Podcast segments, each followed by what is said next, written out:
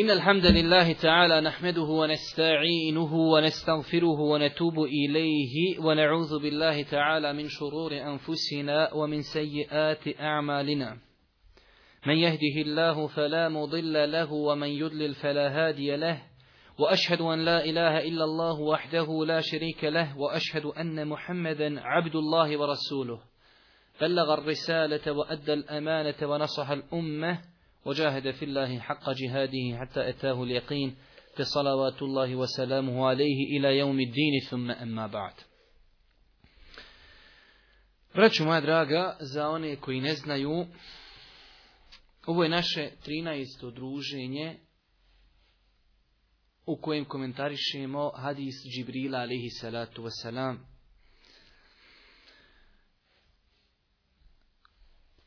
komentarišemo peti imanski šart vjerovanje u sudnji dan i gdje smo potrošili mnogo vremena, ali smatram da je to tako trebalo i da je to izuzetno bitna i potrebna tematika svakom čovjeku koji vjeruje Allah subhanahu wa ta'ala.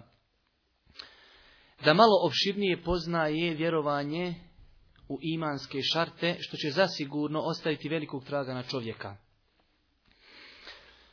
Govorili smo znači od samog početka kako će čovjek biti proživljen, kako će polagati račune na sudnjem danu, kako će prelaziti preko sirata. Na kraju govorili smo o vječnim boravištima, govorili smo o džennetu. U dva predavanja govorili smo o džennetu, govorili smo malo opširnije o toj tematici, pa sjećate se da smo govorili o osobama koji će prvi ući u džennet. Govorili smo o izgledu dženneta, o uživanjima u džennetu, odjeća, piće, džennetlija i mnoge druge stvari. Govorili smo o tim džennetskim ljepoticama, hurijama. Govorili smo o nekim stvarima koje čovjeka uvode u džennet. Večeras ćemo, braću moja draga, nasuprot tome govoriti o vječnom boravištu nepokurnih Allahovih robova. Na prvom mjestu mislimo tu na nevjernike. Njihovo vječno boravište je džehennem. Iako, sjećate se kada smo govorili u predavanju o šefatu, kada počinje sudnji dan, pa smo govorili o vrstama šefata, jedna vrsta šefata jeste da će se Allah poslanik alaihi i drugi poslanici zauzimati za sve ljude koji su vjerovali. I da će svi ljudi koji su vjerovali, ako Bog da, završiti u džennetu. Ali kazali smo da čovjek ne bi trebao da se poigraje sa takvim stvarima, da sebi, ajde da kažemo, priušti toliki luksuz, da se poigrava, da bude bačen u džehennem, pa da očekuje kada će izići u džennet. Jer vjerodostojan hadis kaže da čovjek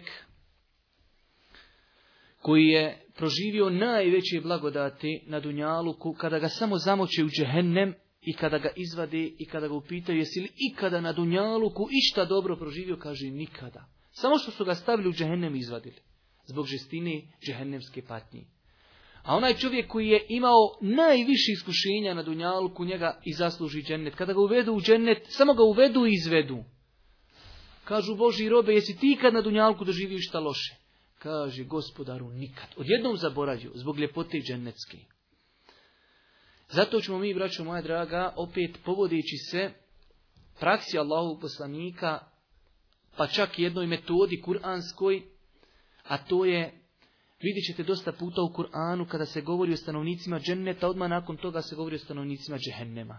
Ili kada se govori o određenim ajetima, pa čak u jednom ajetu Allah Želšanu kada kaže reci mojim robovima da sam milostiv, ali da ne bi ljudi shvatili toliko milostiv radi šta hoćeš mojo, ne.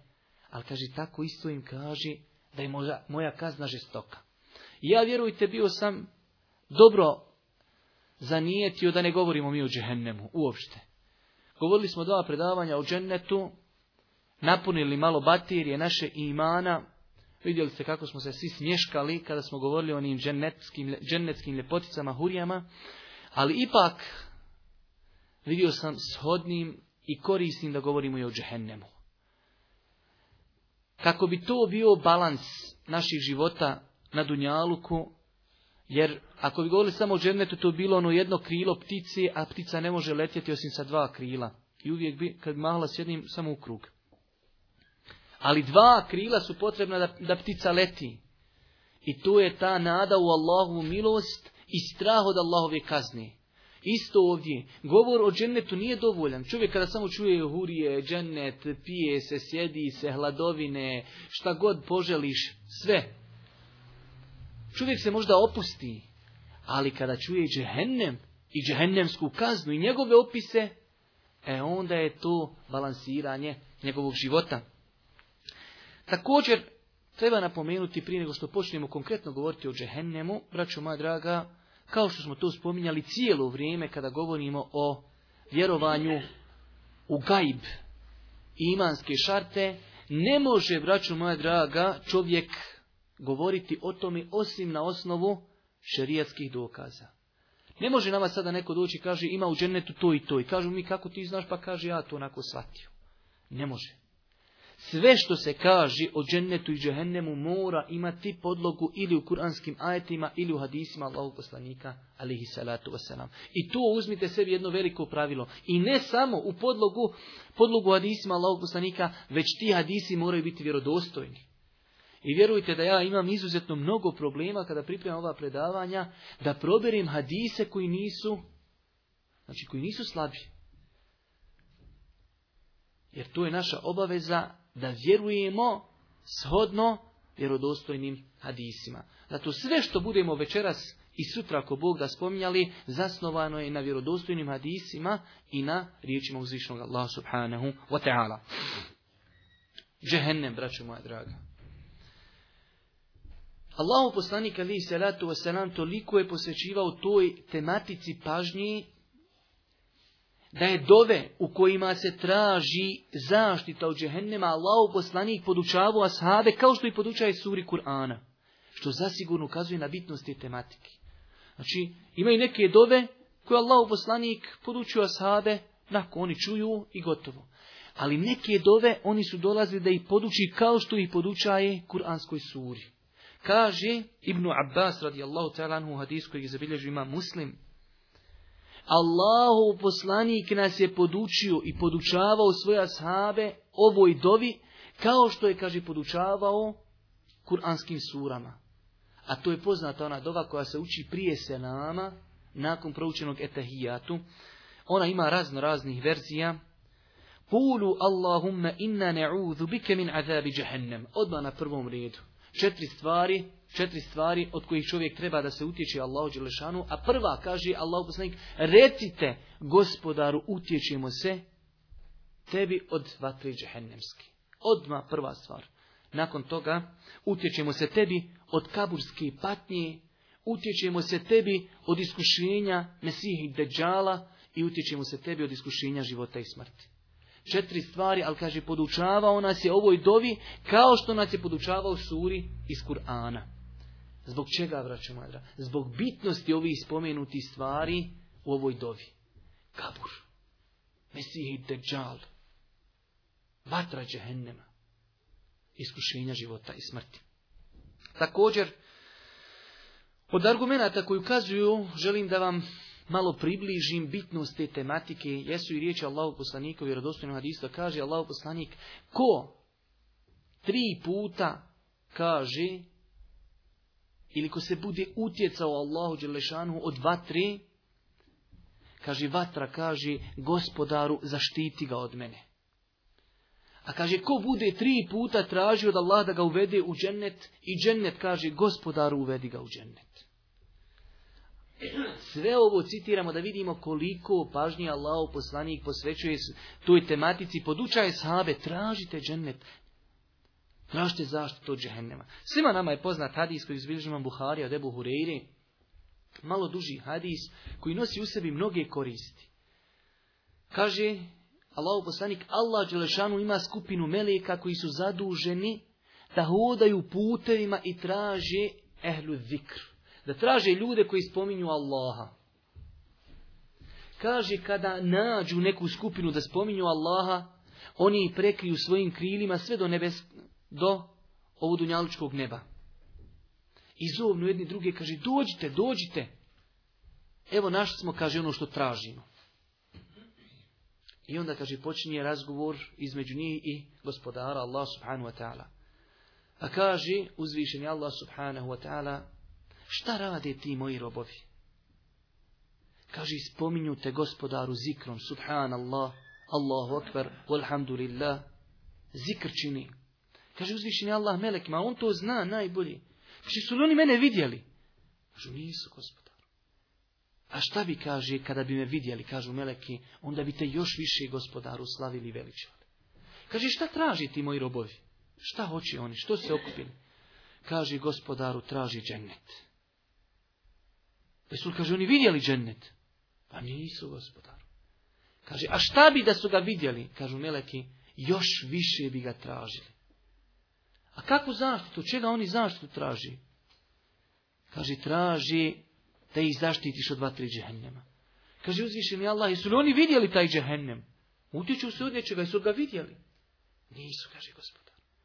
E da su ga, kaže, vidjeli, još bi više, meleki odgovaraju gospodaru, da su ga vidjeli, još bi više se oni utjecali od džehennema. I to je ono zbog čega citiram ovaj hadis. Čovjek treba da spozna džehennem i njegov opis kako bi se mogao istinski bojati tog džehennema i istinski tražiti utočište kod uzvišenog Allaha. Pa kaže uzvišen Allah na kraju, postoje različite predaje Kaže, pa će jedan melek gospodaru, kaj gospodaru, ima sa njima jedan čovjek, nije on od njih. Nako, došao, kaže, baš tako imaju predaje, došao usput. Čovjek nije od te ljudi da je došao on zikr, da je on došao na, na, na taj neki skup. Već jednostavno možda čeka nekog da iziđe pa da sa njim nešto pazari. Kaže, humul qaum la ješka bihim dželisuhum. To je skupina, to je narod. A njihov, kaže, taj jaram, prijatelj, onaj ko sjedi s njima, neće biti nesretan. A ima druga predaja gdje pita uzvišnjava šta oni još traži na, toj, na tom skupu. Kaže, traži oprost grijeha. Kaže, uzimam vas za svjedoke da sam vam oprostio, a i tome što nije sa njima i njemu sam oprostio. Vjerodostojan predaj predak kod imama muslima. Kaže, i njemu sam oprostio. Tamo kaže, kao, neće on biti nesretan, ali vjerodostojan rivajat kaže, i njemu ću oprostiti. Ali ovaj hadis nas podučava, braću moja draga, bitnosti ove tematike. Džehennem. Da se ljudi utječu, da tražiš od Allaha, pa će Allah se ako Bog da odazvati toj dovi. Zato ako pogledamo život Allahog poslanika, ali i salatu wasalam, vidjet ćemo on kao najveličanstvenija osoba koja je kročila zemljom, toj tematici je mnogo pažnje posvećivao. On, koji najveću deređu kod Allaha ima, kaže Enes radijallahu ta'ala anhu, Kane ekseru dua. Najviše što je Boži poslanik dovio. Zapamte ovo sad. Najviše, kaže. Jedna od dova koji je najviše koristio. Rabbena atina fi dunja hasene. fil ahirati hasene vakina nar. Gospodaru, daj nam na dunjaluku dobro. Pogledajte kako su njegove dove bile kratke, ali uopće dobro. U svakom pogledu dobro. Dobro auto, čestitu djecu, čestitu suprugu, zdravlje, dobro, sve dobro što je na dunjalku, daj nam. Daj nam i na ahiretu dobro. I onda iz svega toga šta je izuzeo? Vokina azaben nar. I sačuvaj nas sva tri džehennema. Ništa nije izuzeo. Daj na dunjalku dobro, daj na ahiretu dobro. Dok ti dadne Allah još na ahiretu dobro spasio se odatri, Ali još dodatno, Allah nas i vatri sačuvaj. Šta to ukazuje? Svaka stvar, braćo moja draga, koja se izuzima iz općeg teksta, ona je bitna. Zato pogledajte ovaj događaj koji izbilježi ima muslim, koji je izuzetno interesantan i poučan. Kaže, jedne prilike Allah poslanik obišao jednog sahaba koji je bio bolestan. Hadis kod muslima. Kaže, pa ga je zatekao, pogledajte opis. Kaže, prenosivac hadisa, kaže, bio je isto ptiće. Kad ptiće tek iziđe iz znate kako je ono čupavo i mršavo i nikakvo. Kaže, zate je toga sahaba isti ptiće, nikakav mršav suhonjav. Pogledajte pitanja Allahog poslanika. Mi kad vidimo nekog bolesnog, šta ga prvo pitamo? Jesi li bola išao doktoru? Jesi pio išta? Kaže Boži poslanik, jesi ti šta dobio robe Boži? Pa jesam, kaže gospod, jesam Boži poslanić. Šta si, kaže, ti dobio bolan? Pa taki. Zar je moguće da čovjek dovi tako slabi, tako mrši, tako bolestan? Kaže, ja sam dobio gospodaru, ako ćeš me kazniti na ahiretu, daj mi tu na dunjalku. Jadnik, on je skonto, veli, hajde sam da se iščupam, ja ću na dunjalku, nema vezi na dunjalku, sam daj mi ahiret. Kaže, pa robe Boži ti to imaš izdržati. Što nisi, kaže, rekao, rabbe natina fi dunja hasene, o fil ahireti hasene voqina Što nisi, kaže, rekao, daj mi gospodar na dunjalku dobro i na ahiretu dobro i sačuvaj me vatri. Kaže, pa je dobio tu dovu i ozdravio. Hadis su muslimu. Kaj, pa je dobio odmah, u njih je to bio recept. Boži poslanik mu, odmah to praktikuj i kaže ozdravio. Ali nema, znači, pogledajte te naše vjeri, znači, nema, znači, uopšte pretjerivanja. Što ćeš na Dunjalku sebi tražiti? Pa Allah Đelšanu koji ti može dati tu kaznu na Dunjalku, može te oprostiti, bude fino i na Dunjalku i na Ahiretu. Ali opet onaj hadis, što kaže, nisi tražio, daj mi dobro Dunjaluka, daj mi dobro Ahireta i šta? Sačuvaj me vatri džehennema.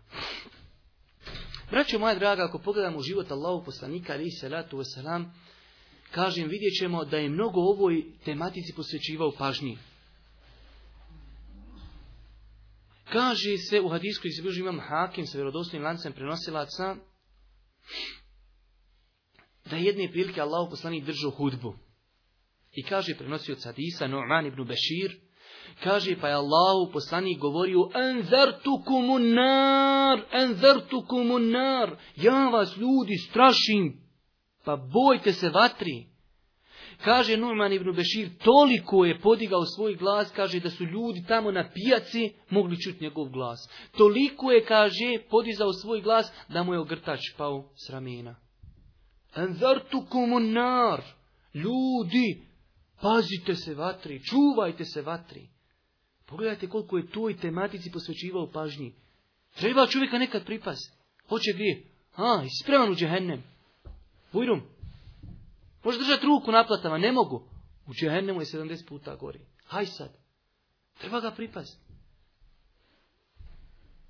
I ti dođeš nekad, malo povisiš kod ljudi. Ja sam išao na jedno mjesto držati hudbu i poslije hudbe meni dođe poruka a ja pošto imam tu svoju historiju pa sam se bavio svako raznim zanatima, između ostalog jušom i nekad radio, pa nekad čovjek stvarno povisi ton. I meni dolazi poruka na mobitel, fino čovjek stvarno kulturno predstavio se, ali kaže, braća veli kritikuju, Boga im puno galamiš na hudbi. Puno galamiš, kaže, a niko nije došao na hudbu da se ti na neko kaže izgalamiš. Pa jest, nismo mi došli da se izgalami neko na nas. Nas treba špruljom dobro na, Ne izgalamit, naš špruljom treba dobro nabubat. Nisi došao. A šta Boži poslanik kaže se u hadisu koji zabilježio imam muslim od džabira. Kaže Allah poslani kad bi držao hudbu. Ihmerat ajnahu, oči bi mu se zacrvenile. Wa ala sautuhu povisio bi svoj glas voštede gadabuhu i njegovu, kaže, ljutnja bi se povećala, bio bi ljut. Kaže, bio bi isti onaj koji upozorava ljude, eto neprijateljske vojske. Znači kad čovjek hoće da ukaže svom selu, eto neprijateljske vojske. Znači on njima reći, hej ljudi, eto vojske. Ma ljudi, vojska bježi. E tako je poslanik držao hudbe. I ti odeš, održiš hudbu, kaže, nismo i došli ti nama galamiš. Pa zato što je pokupio pamet cijelog svijeta. Da si ti skonto da, ti, da si ti neznalica, ti bi rekao ja sam došao da se izgalami na mene. Ali pošto smo mi pametni od ashaba, e onda na nas ne treba galamiti. Ali treba nas drugim metodama rješavati. Kaži, pogledajte Allahu poslanika ali salatu wasalam, kako poredi sebe i taj ovaj moment vatri opet istoga svatamo bitnost te tematike. Kaže Allah poslanik lisa salatu sallam u vjerodoslovnom hadisu koji zabilježio imam Buharija i Muslim. Kaže, primjer mene je primjer čovjeka koji najveći naloži vatru. Jeste ikad imali priliku ljetne noći čovjek naloži vatru? Pa mušice, komarci, sve u vatru leti. E kaže, primjer mene je primjer tog čovjeka koji najveći naloži vatru, pa kaže životinje lete u vatru. Leti prema svjetlosti, misli u svjetlost, poleti pa u vatru. E kaže, tako ja. Ja, kaže, vas, uzimam vas, to je pojašnjenje, kaže, za odjeću vašu, ne dam vam da idete u vatru. Ali, kaže, vi se opet otmate pa uletite u vatru. Ja, kaže, ne dam, ne dam. Vatra ima, džehennem. Ja svojim pozivom, svojom poslanicom, ne dam vam da idete u vatru, a vi, kaže, ipak se otmijete pa odletite u vatru. Kaže Allah poslanik alaihi salatu wasalam opet, posvećujući pažnju toj tematici, vatri džehennema u hadisu, vjerodostojno se potvrdio ših Albani, kaže, ma raitu misle nari, na ribuha. Ja nisam, kaže, vidio čudni primjer od vatri. Da čovjeka je koji bježi od nje, spava. وَمَا رَأَيْتُ مِثْلَ الْجَنَّةِ Nana talibuha. Ja, kaže, nisam vidio čovjeka čudnijeg od onoga ko hoće džennet. A kaže, spava. Šta to je pouka? To su opasni, braću moja draga, termini. Džennet, džehennem. Na sudnjem danu nema popravnog. Imaš samo džennet ili džehennem. Zato on kaže, meni je najčudniji čovjek koji se boji vatre ne bježi, kaže od njih. Nameha ribuha, spava onaj koji bježi od njih. U smislu spava, čini grijehe. Ne bježi od vatri. Kako ćeš bježati od vatri? Bježi od harama. Tako se bježi od vatri. Kaže, meni nema čudnijeg osobe od te osobe. Kaže, bježi od vatri, ali spava. Neće da bježi. A s druge strane, kaže, nema mi čudnije osobe od onoga ko hoće džennet, ali spava i on. Hošu džennet. Pa daj nešto radi, Bog ti dao. Ne osnovu čega ćeš ga zaraditi? Na fine oči. Nema ništa na fine oči. Hoćeš džennet, nema spavanja. Name talibuha. Meni kaže, čudan primjer onoga ko će u dženeta da spava, talib. Talibuha, onaj koji je traži dženet. Čudi su to meni primjeri.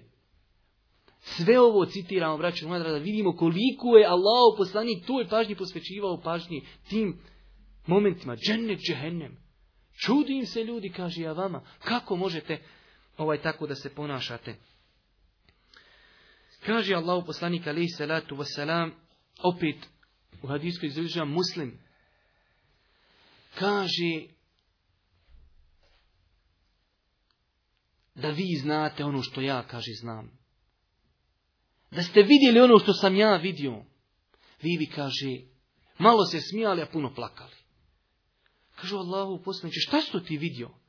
Kratko, jasno. Kaže, ja sam vidio džennet i džehennem. Vi kaže da ste vidjeli ono što sam ja vidio. Malo bi se smijali, a puno bi plakali. Ne znaju oni šta je on. šta si vidio Allah poslaniće? Kaže, ja sam vidio, vidio i džennet. A drugi rivajet, vjerodostojan također, kaže, jedne pilke Allah poslanik držu hudbu. Pa kaže Allah poslanik, ali salatu wasalam, danas su mi pokazani džennet i džahennem.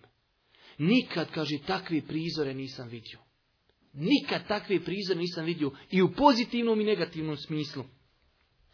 Kaže, kada bi vi znali ono što ja znam, vi bi se, kaže, puno zamisli, puno bi plakali, a malo bi se smijali. Kaže, kada je to rekao ashabima, Allahu poslanik, to, pa gledajte kako to na nas ostaje traga, skoro nikakvog. A kaže, prenosioc ovog hadisa, kaže, to kad je rekao Allahu poslanika sahabima, da znate ono što ja znam, vi bi puno plakali, a malo bi se smijali, kaže, oni su svi zaronili svoje glave, kaže, među noge i svi su zaplakali. Svi, kaže, svi su plakali. Pogledajte razlike između nas i ashaba.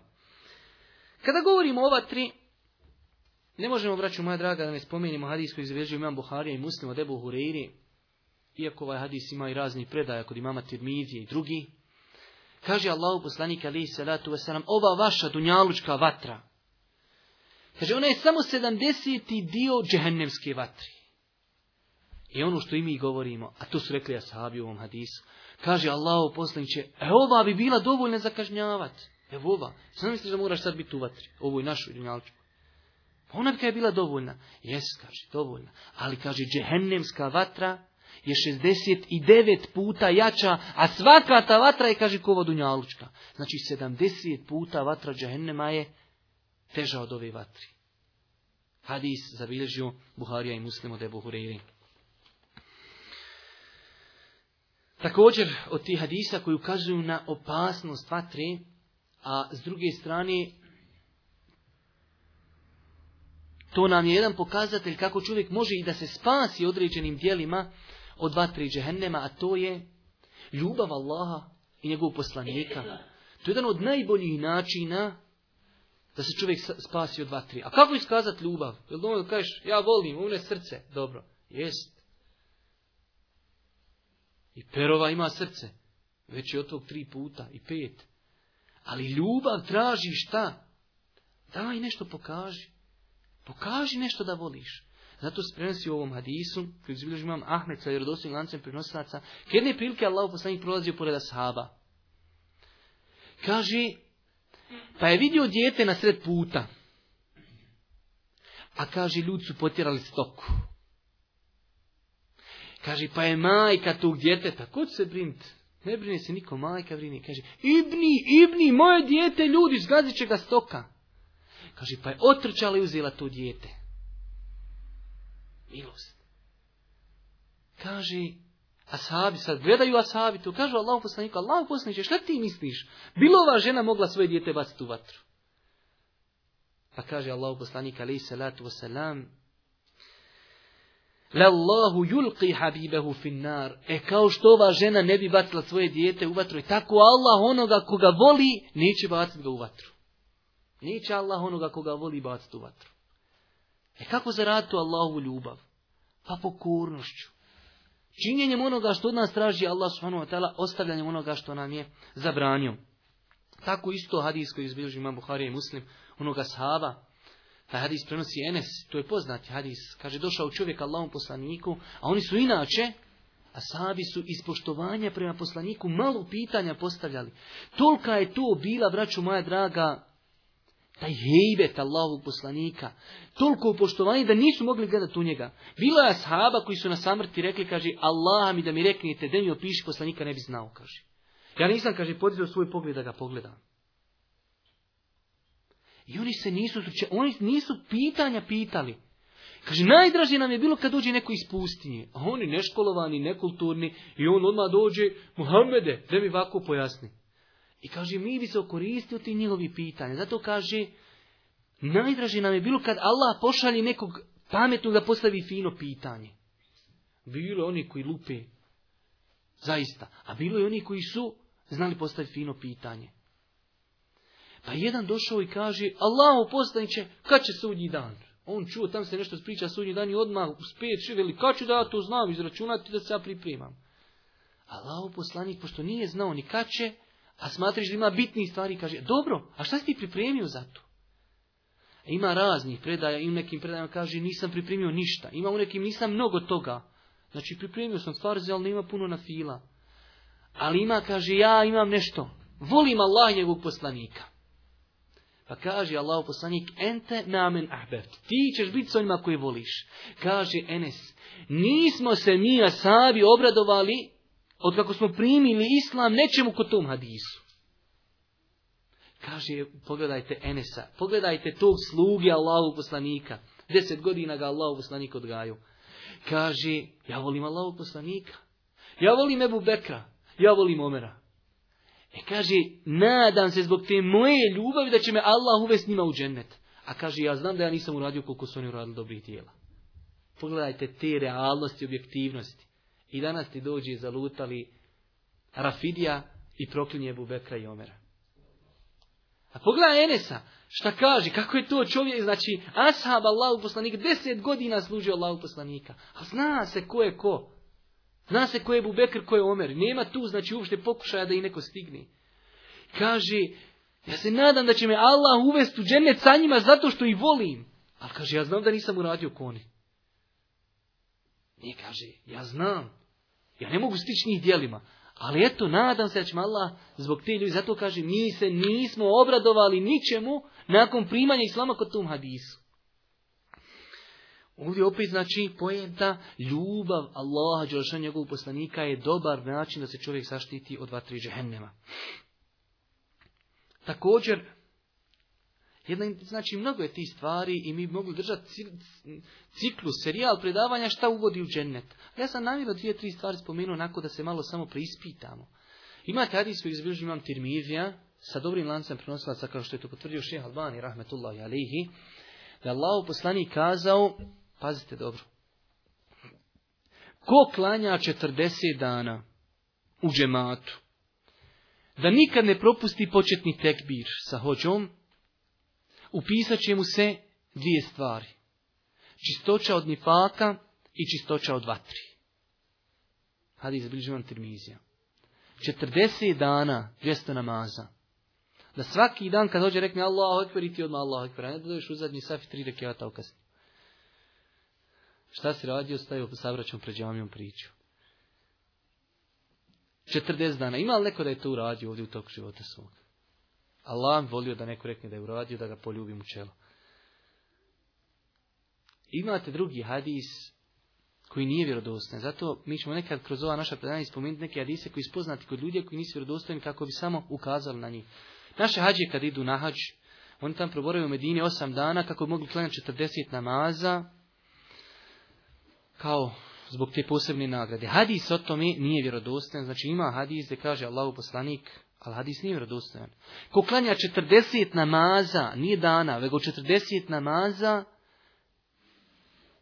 i ne propusti početni tekbir, bit će mu upisane sigurnost od dva, tri od nifaka. Ali taj hadis nije vjerodostojan. Već je Hasan dobar hadis i se kaže ko klanja 40 dana. Znači 200 namaza. I da nijedan dan ne okasniš nijedan onaj početni tekbir. to što se kaže u tim kuranskim ajetima mnogim, za takve stvari neka se trude trudbenici. Neka se natječu oni koji hoće da se natječu. Također, u stvari kojima čovjek može zaraditi Allahu milosti spas od džehennema jeste da svoje noge upraši prašinom na Allahovom putu u džihadu. Allahu poslanik alaih salatu wasalam kaže, neće se noge uprašiti na Allahovom putu, znači kada god se te noge upraši, to će, kaže, biti razlog da ih Allah ne sastavi u džehennemu, znači prašina na Allahovom putu u džihadu i vatra džehennema su dvije stvari, isto magneti, znači kad on neće nikako jedan na drugi, odbijaju se. E tako prašina džihadska i vatra džehennema nikako, spojiš, ono se odmah rastavi. Kaže Allah poslanik alaihi salatu wasalam, Vatra džehennema neće dotaknuti dva oka. Oko koje je plakalo iz straha prema Allahu subhanahu wa ta'ala. Kaže, sve dok se mlijeko ne vrati u vime. E tada, ako se mlijeko vrati u vime, tada će i vatra džehennema pržiti oči koje su plakale od straha prema Allahu. Ali pošto se vime, mlijeko nikad neće vratiti u vime, znači nikada vatra džehennema neće pržiti oči koji su plakale iz straha prema Allahu. I kaže, la jeđtenju, neće se sastati u džehennemu nikada, prašina na Allahovom putu i vatra džehennema. Hadis Znači da bilježi imam Tirmizija s vjerodostojnim lancem prenosilaca. U drugom rivajetu, kod imama Taberanije, stoji i kaže Allahu poslanik, tri oka nikada, nikada vatra neće opržiti. Oko koje je plakalo i straha prema Allahu subhanahu wa ta'ala, oko koje je stražarilo na Allahovom putu i oko koje je ostavilo ono što mu je Allah zabranio. Znači, oborilo je svoj pogled, znači oko koje nije gledalo ono što mu je uzvišeni Allah zabranio. Braćo moja draga, sjećate se tamo kad smo govorili o, o džennetu, pa smo govorili o džennetskim stražarima. Pa znate tamo u suri Zumer. وَسِيقَ ledine u ilel dženneti Zumera, A kaže, oni koji se bojali Allaha u džennet će povedeni biti u skupinama. Odošli u džennet. Pa kad dođu tamo, kaže, otvorene džennetske kapije. Sura Zumer. Selamun alejkum, kaže melek im govori, selam alek, bujrum, bujrum, otvorena vrata, mi čekamo na vas. Džennetle, pogledajte razlike, dolazak. A džehennemlije, kaže uzvišeni Allah, poznat onaj kuranski ajet Ja ejuhalladina amenu ku anfusakum wa ahlikum nara O vjernici sebe i porodice svoje od vatri čuvajte. Koji vatri? Kaže oni o će se meleki gordi, snažni brinuti. Gordi i snažni. Ovo riječ ova gordi odnosi se na srce. Kaže, nikakve milosti u njegovom srcu nema. Kažu mu Fesiri, komentatori ovog kuranskog ajta, kaže Allah Đelešanu nije stvorio bez ikakve milosti. Sam kaže da mogu patiti. Da mogu druge mučiti. Nema kao u njihovim srcima, nema nikakve milosti. Zilavun šidad, šidad, jak, velik. E čekaju. Hajte vam. Pogledajte različiti, različitih dočeka. Kaže se tamo, sjećate se kad smo govorili opet o drugom onom imanskom šartu vjerovanju u meleke. Pa smo govorili vrste meleka i šta ko radi, pa smo kazali po nam je spomenut čuvar džehennema Malik. Imate, znači Džibril, Mikail, Israfil, to su meleke koje mi znamo po imenu, jedan od njih je Malik. Nažalost, kad smo onda pitali ko zna kako se zove čuvar džehennema, mislim da nije niko znao. Helev, ne Malik je čuvar džehennema. Imate po Kur'anu, znači ne puno puta, ali spominje se razgovor Malika sa džehennemlijama. Pa jedan od njih je ajet u suri Zuhruf.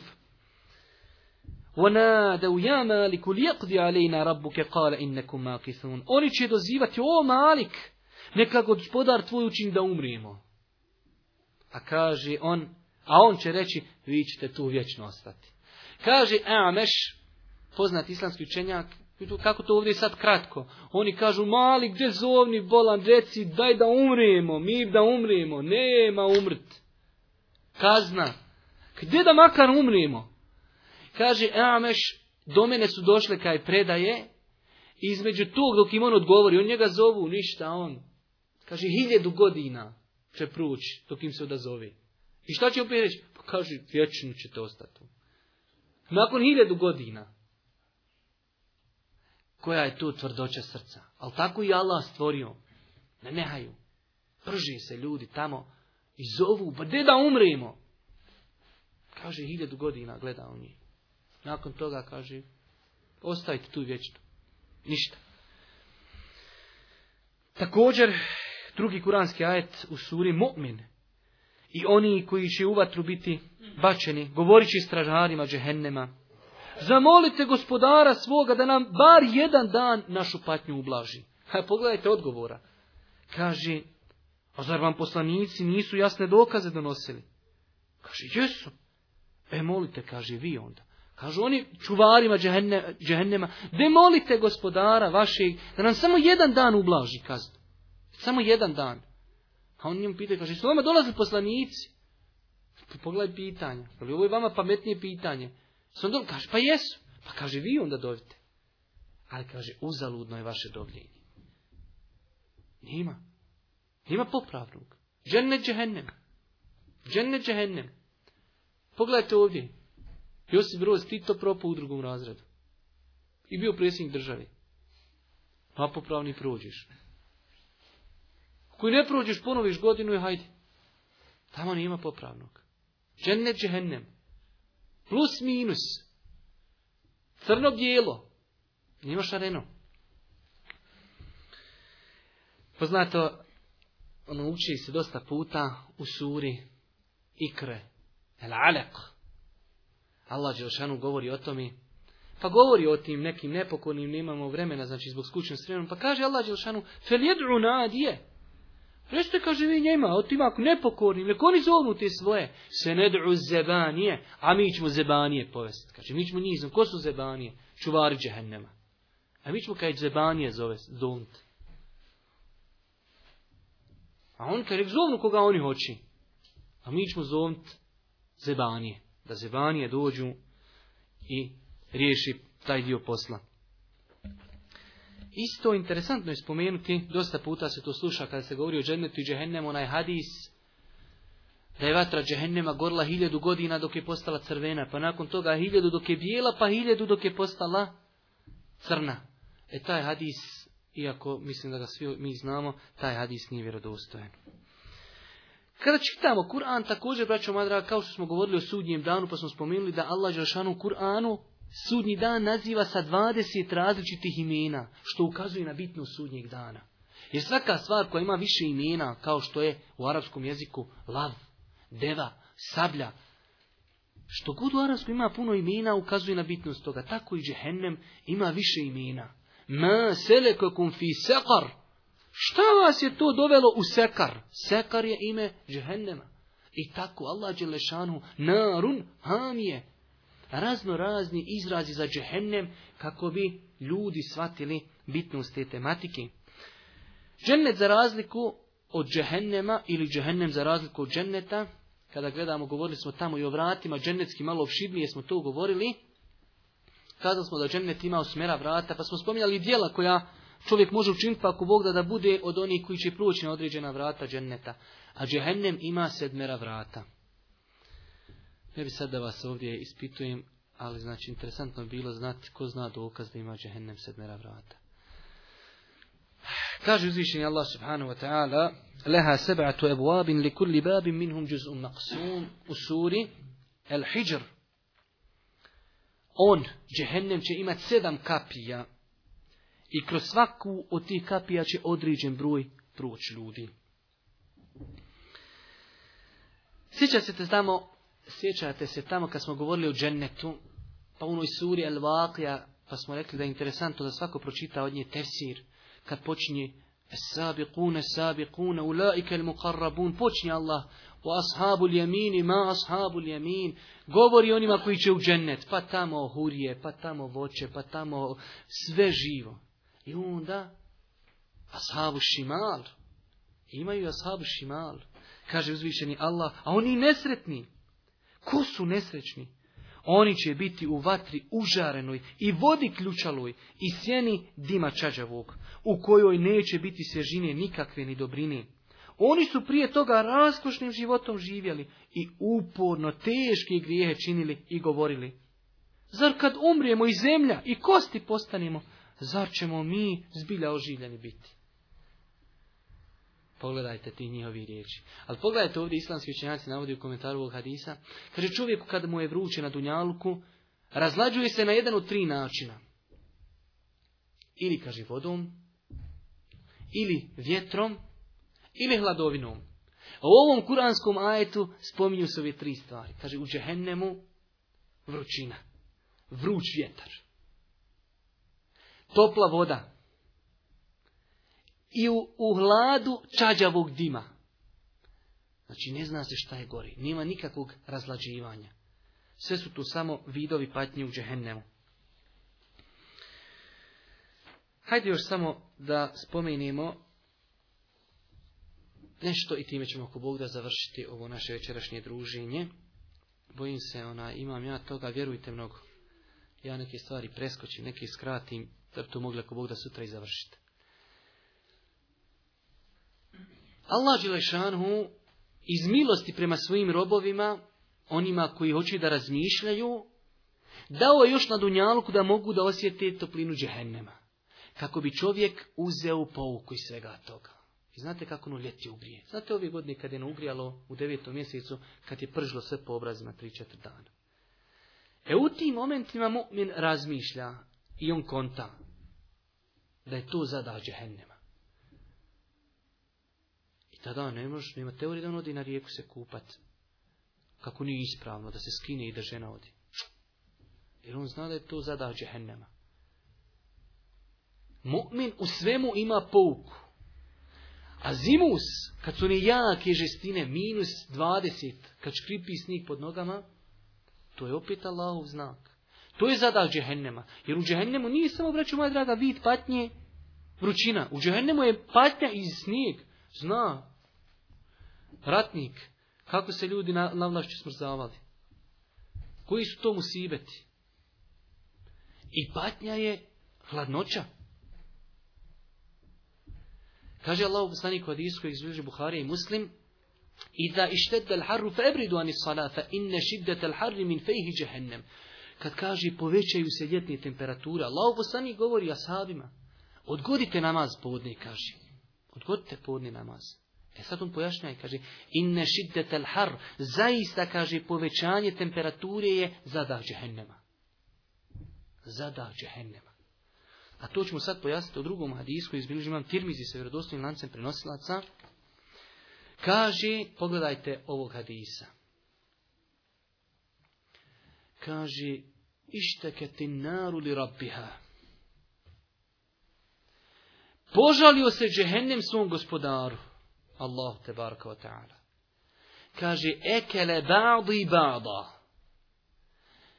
Tolika je to temperatura, toliko je to kažnjavanje, tolike su to patnje, kaže, moji dijelovi mene, džehennem govori, jedni druge pojedoši od temperaturi.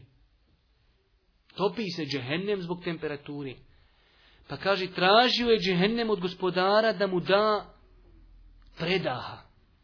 Kaže, pa mu je dozvolio dva predaha godišnje. Jedan ljeti, jedan zimi.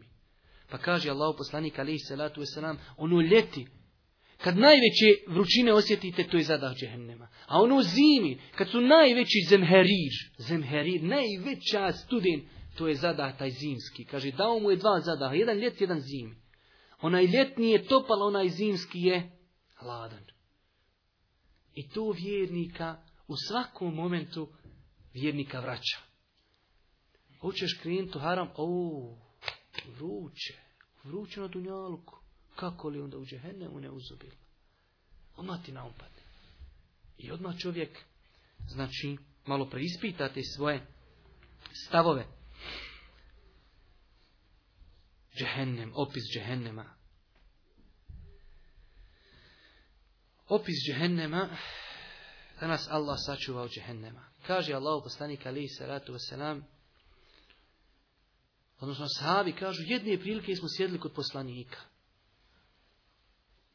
Kaži, pa smo začuli nešto tupo, tup neki udarac. Kaže, Allah, poslanik, znate li šta je ono?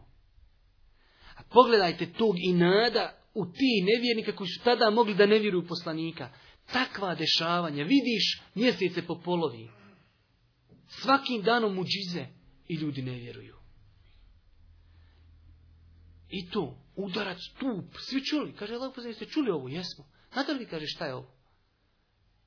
Što je znao Allah Kaže, to je kamin, bačen sa, bačen sa ivice i džehennema prije 70 godina. I sad je, kaže, pao na dno. Ono što vi čuli, to je pao kamin na dno džehennema. 70 godina. A vidjet ćete sutra u hadisu Utbe Gazvana, Kaže Utbe ibn Gazvan jedne prilike poznati muđahid, poznati vojskovođa. Kaže ljudi, do nas je doprlo, mi smo obaviješteni, znači Boži poslanik nas je obavijestio. Kaže da je džehennem toliko dubok, da će, kaže, kamen biti bačen i 70 godina ići do dna. Ali pogledajte, kaže, Wallahi, tako mi Allah bit će napunjen. Sedamdeset godina pada, kaže, bit će napunjen. A vrata, kaže, dženneta, isto, isto smo, kaže, i to je doprlo do nas, od poslanika. Vrata dženneta, pa govori kolika širina vrata i na kraj kaže, a vallahi, doće vrijeme kad će biti gužva na tim vratima. Utbe ibn Gazvan, radijallahu ta'ala, anhu. Braću moja draga, ja se večeras ovdje zaustavio, pokušat ću ja to sutra malo opet pripraviti, skratiti. Iako ja, vjerujte, pokušajem da maksimalno budem kratak, pa ćemo ako Bog da gledati da sutra, ako Bog da, inšala, završimo ovo predavanje. I time ćemo otprilike završiti govor o vjerovanju u sudnji dan. Ostaje nam govor o šestom imanskom šartu, a to je vjerovanje u kadar to će biti ako Bog da sljedeći sedmici i time ćemo ako Bog da i završiti komentar Džibrilovog hadisa. Molimo Allaha Đelešanuhu da ono što smo čuli bude dokazom za nas, a ne protiv nas. Molimo ga Subhanehu wa ta'ala da nas sačuva od patnje džehennema, da nas učini od stanovnika dženneta. Molimo ga Subhanehu wa ta'ala da nam bude milostiv na sudnjem danu. I na kraju, Subhaneke Allahume ve bihamdike, šedu en la ilaha illa ente, stagfiruke, vo etubu